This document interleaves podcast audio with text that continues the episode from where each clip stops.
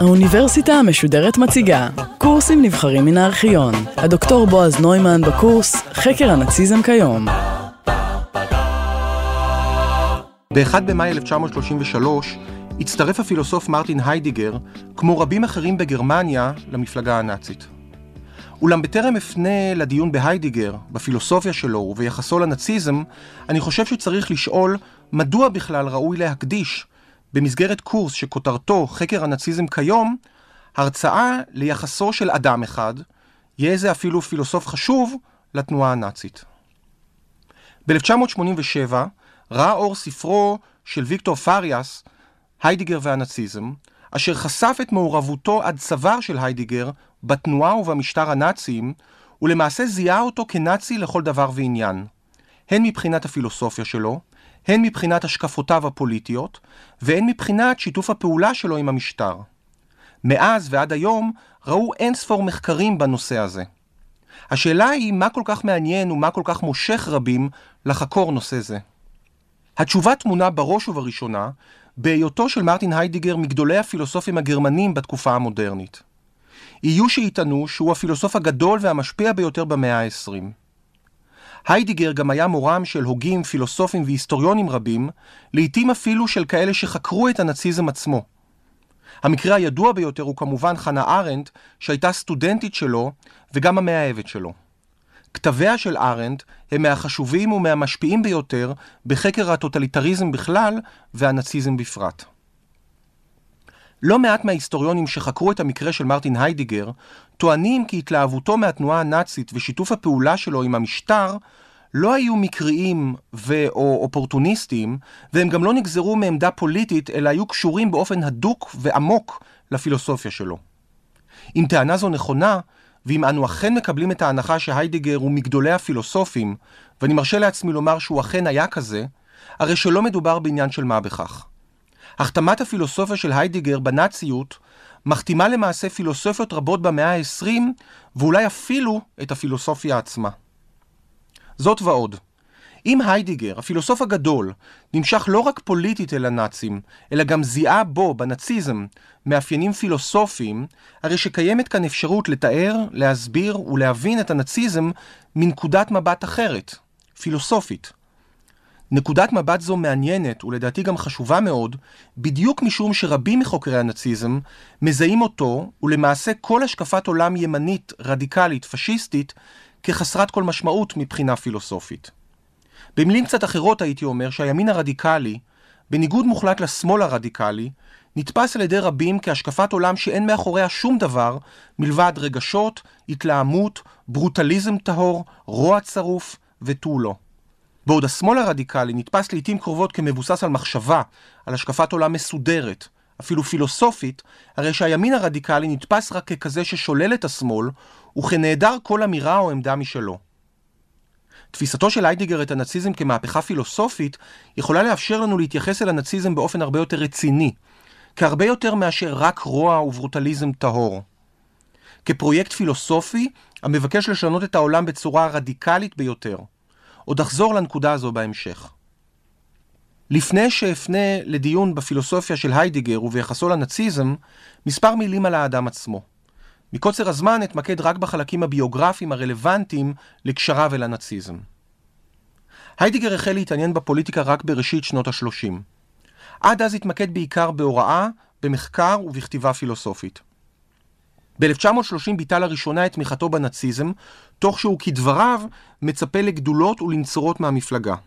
במקביל, כמו רבים אחרים, תיעב היידיגר את הקומוניסטים. בשלב זה ראוי לציין, היידיגר ככל הנראה לא דיבר ולא עסק בפוליטיקה במסגרת עבודתו באוניברסיטה. בחורף 1931-1932, תמיכתו של היידיגר במפלגה הנאצית לא הייתה עדיין יותר מאשר עמדה פוליטית. הוא זיהה בנאציזם את הכוח הפוליטי היחיד שיוכל להתמודד עם המשברים הכלכליים והפוליטיים שבפניהם עמדה גרמניה, וכן להוות חסם בפני מהפכה קומוניסטית אפשרית. רק לאחר עליית היטלר לשלטון, אפשר לזהות אצל היידיגר במפורש שתמיכתו כבר אינה רק פוליטית, אלא גם ובעיקר נגזרת מהפילוסופיה שלו. במרץ 1933 הוא הצטרף לראשונה לארגון נאצי, הקהילה התרבותית-פוליטית של מורי האוניברסיטה הגרמנית, גוף שקידם את הנאציפיקציה באקדמיה הגרמנית, את יישומו של עקרון המנהיג באוניברסיטה, ואת ההתאמה של תכני ההוראה האקדמיים לקו האידיאולוגי הנכון. ב-22 באפריל 1933 מונה היידיגר לרקטור אוניברסיטת פרייבורג. בתזכיר שפרסם לקראת טקס מינויו, נקבע כי הטקס יכלול את שירת ההמנון של המפלגה הנאצית, את קריאת הזיג הייל ואת ההצדעה במועל יד. מיד לאחר מינויו לרקטור, החל היידיגר בעבודתו והכריז על נאציפיקציה של האוניברסיטה ועל החלת עקרון המנהיג בה. הוא תמך, ובהתלהבות יתרה, במינויים פוליטיים מטעם המפלגה. עד מהרה הפסיק לכנס את סנאט האוניברסיטה. בקוד החדש של האוניברסיטה נכתב, ואני מצטט, אנו שואפים לטהר את שורותינו מאלמנטים נחותים ולחסום ולהכשיל את כוחות הדגנרציה בעתיד. היידיגר לא ביטא ולו מילה אחת של ביקורת על בניית מחנה הריכוז הראשון באזור. בעקבות החוק הנאצי לשיקום שירות המדינה המקצועי, פיקח היידיגר על טיהורה של האוניברסיטה מיהודים. במסגרת פעולה זו אף פוטר אדמונד הוסרל, מורהו המשפיע והנערץ של היידיגר. היידיגר שלח את מכתב הפיטורין וביקש מאשתו, אלפרידה, לשלוח פרחים להוסרל. למותר לציין שהוסרל חש נבגד על ידי תלמידו, ראה באקט את העלבון הגדול ביותר של חייו, וסיים את מערכת יחסי הידידות ביניהם. היידיגר לא התייחס יותר אל הוסרל, וכמובן שלא עזר וגם לא תמך בו. ב-1938 הוא אפילו נעדר מהלווייתו של הוסרל, שסיים את חייו כאדם בודד. עוד ב-1927 פרסם היידיגר את ספרו החשוב ביותר, הוויה וזמן. הספר הוקדש לאודמון הוסרל בידידות ובהערכה. במהדורה שראתה אור בראשית שנות ה-40, הושמטה כבר הקדשה זו. בין המפוטרים הרבים מהאוניברסיטה שבהנהגתו של היידיגר הייתה גם אליזבת בלוכמן מאוניברסיטת ברלין, סטודנטית שלו לשעבר, וגם מאהבת שלו לתקופה מסוימת. בלוכמן שלחה להיידיגר מכתב שבו ביקשה את עזרתו. הוא הבטיח לעזור לה, אך משכשל, הפגין כלפיה לא יותר מסימפתיה. הסטודנטים החשובים ביותר שלו נאלצו לעזוב את גרמניה, וביניהם כמובן חנה ארנדט. מהרגע שמונה לרקטור, ניתק מגע מהסטודנטים היהודים שלו. לעתים רצה שיקבלו את הדוקטורט שלהם, אך לא אצלו. במצב הנוכחי, כתב היידיגר לאחד מהקולגות היהודיים שלו, אנו צריכים לנתק את הקשרים בינינו. מצד אחד היה היידיגר אחראי לפיטוריו של הוסרל, מורהו היהודי, אך מצד שני כן ניסה למנוע את פיטוריהם של שני פרופסורים יהודים אחרים מהאוניברסיטה, בטענה שבגלל איכויותיהם האקדמיות יוצאות הדופן, תיפגע האוניברסיטה קשות. כמו כן, טען שמדובר, ואני מצטט, ביהודים מהסוג הטוב ביותר. והוא הבטיח לערוב להתנהגותם. היידיגר גם עזר לעוזר המחקר היהודי שלו בכך שדאג לו למלגת מחקר באוניברסיטת קיימברידג'. היידיגר לא היה אנטישמי במובן הנאצי הוולגרי של המילה. האנטישמיות שלו הייתה הרבה יותר מורכבת ומעודנת. הוא קיבל את ההבחנה בין גרמנים ליהודים והתנגד לאסימילציה. אולם הוא כן הכיר ברוח היהודית ואף בגאונות שלה. באמצע שנות ה-30 הגן על שפינוזה, וטען שאם הפילוסופיה של שפינוזה היא יהודית, אז כל הפילוסופיה מלייבניץ ועד הגל היא יהודית. במאמר מוסגר אני אומר, שגם הערצת יהודים יכולה להיחשב כצידו השני של אותו מטבע אנטישמי. האנטישמיות של היידיגר לא הייתה הסיבה שבעטיה הצטרף למפלגה הנאצית, והיא גם לא הייתה הסיבה שבעטיה יעזוב אותה. הוא לא תמך באנטישמיות הברוטלית הנאצית, אך גם לא גינה אותה. בדיעבד לאחר תום המלחמה ניסה היידיגר להגן על עצמו. בין היתר טען שלא הייתה לו ברירה אלא להצטרף למפלגה הנאצית, וזאת כדי להגן על האוניברסיטה ועל האוטונומיה שלה מהתערבות חיצונית. הוא הודה שבראשית הדרך הוא אכן זיהה בנאציזם, ואני מצטט, בשורה של התחדשות, אך אמור היה להיות הרבה יותר ביקורתי כלפי המשטר ב-1934 ואילך. במילים אחרות, היידיגר היה מוכן להכיר באשמתו, אבל רק בדיעבד ולא בזמן אמת. זאת ועוד. היידיגר טען כי פנייתו אל הנאציזם ותמיכתו בהיטלר הייתה כל כולה פוליטית ולא פילוסופית. בכך כמובן הוא ביקש להגן על הפילוסופיה שלו, שמא תוכתם כנאצית. בכל האמור לגבי הקשר בין הפילוסופיה של היידיגר בראשית שנות ה-30 לבין תמיכתו בנאציזם ובהיטלר, קשה לקבל את טענתו של היידיגר להיעדר כל קשר כזה. אציין גם כי לאחר 1945 הוא לא אמר ולו מילה אחת על השואה, ומדובר ללא ספק בפילוסוף שלא הפסיק לכתוב. גם זה אומר עליו משהו. ב-27 במאי 1933 נשא היידיגר את נאומו לרגל קבלת משרת הרקטור באוניברסיטת פרייבורג. מדובר באחד הטקסטים המכוננים והמגדירים את יחסו של היידיגר אל הנאצים.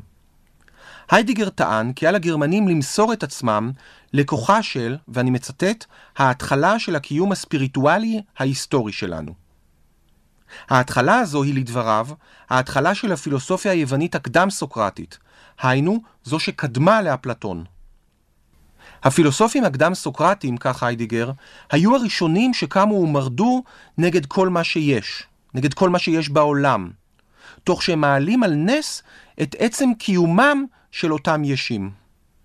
לפי היידיגר, הפילוסופים היוונים הקדמונים, אלה שקדמו לאפלטון, היו הראשונים שטענו כי הקיום של הדברים קודם למהותם. הם הבינו שעצם קיומו של דבר קודם למה שהוא. ואני אסביר, אני אתן דוגמה. פילוסוף יווני קדם סוקרטי שיעמוד מול אבן, קודם כל יכיר בכך שמשהו קיים, ורק לאחר מכן, אם בכלל, יזהה את הדבר הקיים הזה כאבן. האיש הרע בכל הסיפור הזה מבחינת היידיגר, היה אפלטון ותורת האידאות שלו. הפילוסופיה של אפלטון, מטרתה הייתה אחת ויחידה, לזהות את מהותם של הדברים. למהות קרא אפלטון אידאה. אם נחזור לרגע לדוגמה של האבן, הרי שיש המון אבנים והן שונות אחת מהשנייה. אפלטון ביקש לזהות את האידאה של האבן בתור מה שהופך את האבן לאבן, וזאת מעבר לצורה השרירותית שלה, גודלה השרירותי, צבעה השרירותי וכדומה. וכך, מאז אפלטון שהפנה עורף לפילוסופים הקדם-סוקרטים, שכאמור הקדימו את הקיום של הדבר למהותו, הלכה כל התרבות המערבית בדרך הקלוקלת של חיפוש אחר מהויות. חיפוש המהויות האלה, כך היידיגר, התבטא בכל פן בציוויליזציה המערבית. המדע למשל, כמו הכימיה, תר אחר המהות החומרית של העולם. האומנות מבקשת גם היא למצוא את המהות של כל מה שנמצא בעולם ולתת לו ביטוי בציור, בפיסול וכדומה. ההומניזם תר אחר מהותו של האדם. לפי היידיגר, המהפכה הנאצית בהנהגת היטלר היא לא פחות מאשר המהפכה הפילוסופית הגדולה השנייה מאז המהפכה הפילוסופית היוונית הקדם-סוקרטית. המהפכה הנאצית מרדה במהויות של הדברים שנמצאים בעולם בשם עצם הקיום שלהם. במילים אחרות, המהפכה הנאצית לפי היידיגר מרדה באפלטון וחזרה אל הקדם סוקרטים. מבחינת היידיגר, ההתמקדות בדברים, במהות של הדברים, מאפיינת פוליטיקה קטנה, פוליטיקה יומיומית של ניהול שוטף של חיים, פוליטיקה מוגבלת שמגבילה את עצמה במשאים ומתנים, בהתפשרויות, בגבולות האפשר. את תפיסת השלטון ב-1933 זיהה היידיגר כמהפכה פילוסופית קיומית של ממש, שהפנתה עורף לעולם המהויות, כלומר, הפנתה עורף לאפלטון, לטובת הקיום כשהוא לעצמו. במילים אחרות, לפי היידיגר המהפכה הנאצית אינה מהפכה פוליטית, אידיאולוגית, חברתית, תרבותית, אלא מהפכה פילוסופית אקזיסטנציאלית. המהפכה הנאצית הייתה המהפכה הגדולה של המעשים הגדולים, שאינם עוד מוגבלים על ידי שום דבר ועל ידי שום מהות. היה זה הפילוסוף הנאצי אלפרד בוימלר, שטען בנאום מינואר 1934, כי הרייך החדש, הרייך השלישי, הוא הרייך של המעשה. שברייך החדש, ברייך השלישי, המעשה אינו פועל יוצא של מחשבה, הוא מוגבל ומותנה על ידי המחשבה. ברייך השלישי, לפי בוימלר, ברייך המונהג על ידי הפירר אדולף היטלר, חושבים את המעשה דרך המעשה. היידיגר, כמו רבים אחרים בגרמניה של סוף שנות ה-20 וראשית שנות ה-30, ביטאו כמיהה לפוליטיקה לא פוליטית. היינו לפוליטיקה המפנה עורף לפוליטיקות קטנות, מוגבלות, מצומצמות, פשרניות, והכל בשם פוליטיקה אחת גדולה, המשנה היסטוריה ומסוגלת להתחיל את הכל בהתחלה, כמו הפילוסופים הקדם-סוקרטים. את זיהויו של היידיגר את המהפכה הנאצית כמהפכה של קיום, של הוויה, אפשר לראות כביטוי לאותה כמיהה למשהו אחר לגמרי. לא עוד פוליטיקה פרלמנטרית דמוקרטית, אלא פוליטיקה של התעוררות. לפי יוזף גבלס, הנאציזם אינו רק תורה פוליטית, אלא, ואני מצטט, הנאציזם הוא מראה כללי טוטאלי ומקיף של כלל העניינים הציבוריים. ב-1935 הכריז שר התעמולה הנאצי כי יבוא היום שבו, ואני שוב מצטט, הנציונל סוציאליזם לא יצטרך שידברו עליו, אלא הוא יהיה האוויר שאותו ננשום. בהרצאת הרקטור שלו ציטט היידיגר מניטשה את קביעתו הידועה שאלוהים מת. מבחינת היידיגר, מותו של אלוהים מבטא למעשה את חיסולה של המשענת האחרונה שעליה היה יכול האדם המודרני להישען. לפי היידיגר, לאחר מות אלוהים, נותר האדם להתקיים לבדו.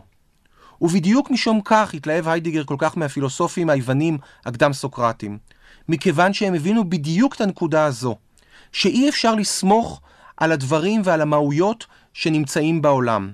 לא על דוממים, לא על בני אדם, לא על רעיונות, מכיוון שכל אלה באים והולכים. הכל חולף. כפי שטען הפילוסוף היווני הקדם סוקרטי הרקליטוס, אי אפשר להיכנס לאותו נהר פעמיים. רוצה לומר, הכל כל הזמן משתנה ובתנועה. היידיגר קרא את המהפכה הנאצית מתוך אותה סיטואציה של הנטשות האדם בעולם. האדם נותר לבד, עירום ועריה. הוא לא יכול יותר לסמוך על הפוליטיקה ועל הפוליטיקאים, על הכלכלה ועל הכלכלנים, על הטכנולוגיה, על האידיאולוגיות. ואולם מבחינת היידיגר, הישארותו של האדם לבדו אינה קטסטרופה, אלא להפך, רגע היסטורי יוצא דופן, שבו אפשר להתחיל מההתחלה את הכל, שאפשר להתחיל מההתחלה אפילו את הזמן. הרגע ההיסטורי הזה הוא לא פשוט, שהרי הוא מסוכן ומאיים. הוא מותיר את האדם ללא כל משענת וללא כל נקודת אחיזה. רוב בני האדם ייטו לברוח ממנו, ולחזור אל חיקם החם והנעים והיציב של הדברים ושל המהויות בתוך העולם. היידיגר קרא בנאומו לעם הגרמני להפגין אומץ מול הרגע הזה ולא להתפתות להבטחות כאלה ואחרות מצד הפוליטיקאים.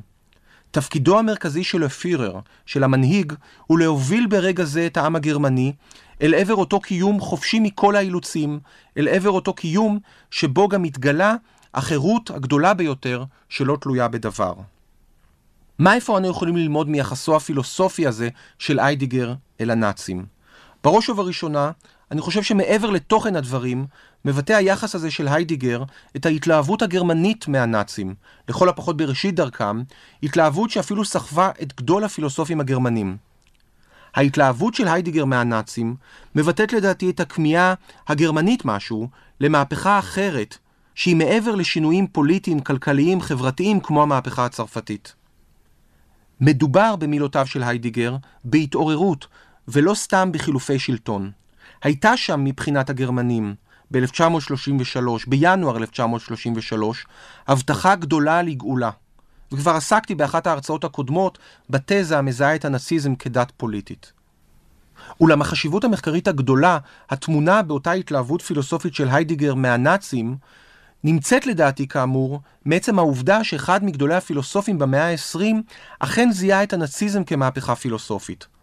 אני חושב שבעצם ההתייחסות אל הנאציזם כאל פילוסופיה, הצליח היידיגר לגעת במשהו שרבים אחרים לא זיהו ועדיין לא מזהים בתופעה הזו.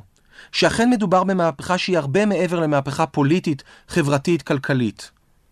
זו לא עוד מהפכה צרפתית. הנאצים לא ביקשו רק לשנות את הפוליטיקה, את החברה, את הכלכלה, ולא רק פעלו בכלים פוליטיים, חברתיים, כלכליים. הם ביקשו לשנות את העולם, את הוויית העולם, לקבוע מחדש את גבולות ניסיונו של האדם, כפי שביטא זו היטב למשל פרימו לוי. הם שאפו להכחיד צורה אנושית אחת ולהדיר צורה אנושית אחרת. ובדרך לשם באמת שלא היה להם אלוהים. היידיגר ייחס לנאציזם מהפכנות קיומית, אקזיסטנציאלית, כזו שנוגעת, הייתי אומר, ביחסים העמוקים ביותר בין האדם לעולם. חנה ארנט, תלמידתו של היידיגר, כתבה כי הנאצים ביקשו להכריע, ואני מצטט, למי מותר ולמי אסור לשכון בעולם. ואני אוסיף ברוחו של היידיגר, שהם ביקשו גם לשנות את הוויית העולם. אולי באמת צריך פילוסוף נאצי כדי להבין מה הנאצים באמת רצו ועשו.